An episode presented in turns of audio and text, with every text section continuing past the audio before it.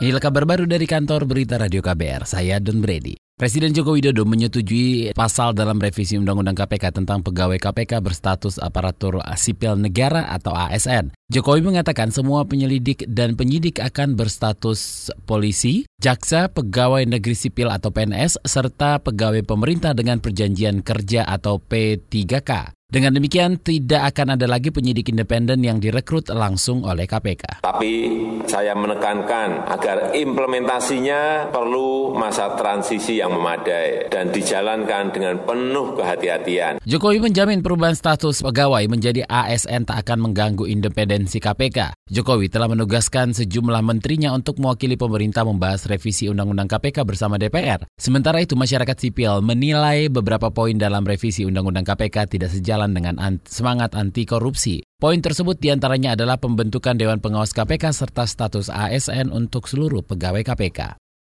Kementerian Sosial mengucurkan bantuan senilai lebih dari 7 miliar rupiah untuk pemulihan perekonomian bagi warung terdampak atas kerusuhan di Papua. Mensos Agus Gumiwang merinci ada seribuan warung terdampak yang tersebar di Jayapura, Manokwari, Sorong, dan Fakpak. Masing-masing kami, kami berikan bantuan, sekali lagi ini bantuannya stimulan sebesar 5 juta rupiah ke masing-masing warung untuk mereka bisa memulai kembali, menata kembali warung-warung mereka ini adalah upaya kami juga untuk mendorong agar kegiatan ekonomi rakyat itu bisa juga kembali pulih atau normal.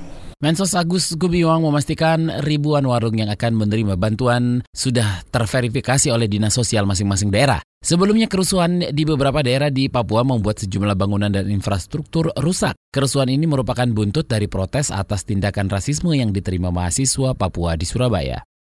Pengurus Besar Nadatul Ulama PBNU berharap aliansi antar agama membentuk kode etik nasional penanganan bencana. Hal ini disampaikan anggota PBNU Marzuki Wahid dalam Musyawarah Nasional Tokoh Antar Agama 2019.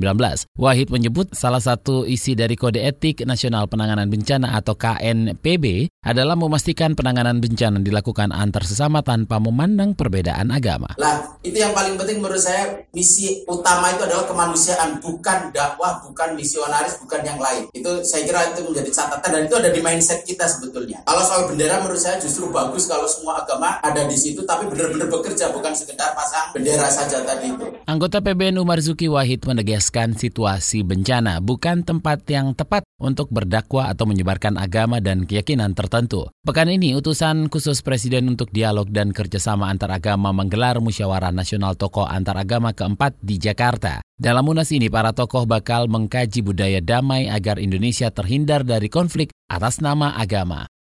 Saudara sebanyak seribu atlet karate mengikuti kejuaraan nasional atau kejurnas karate untuk memperebutkan Piala Panglima TNI tahun 2019 di Cilangkap, Jawa Timur, Jakarta Timur. Panglima TNI Hadi Cahyanto mengatakan atlet yang mengikuti kejurnas ini terbagi dua kelompok, kelompok senior dan kelompok junior. Ia menyebut kejurnas ini menjadi bagian integral dari sistem pembinaan prestasi atlet TNI Polri dan atlet umum. Dalam penjelasannya, Hadi mengatakan karate merupakan salah satu dari cabur prestasi yang menjadi andalan Indonesia dalam kejuaraan olahraga maupun internasional. Demikian kabar baru dari kantor Berita Radio KBR, saya Don Brady.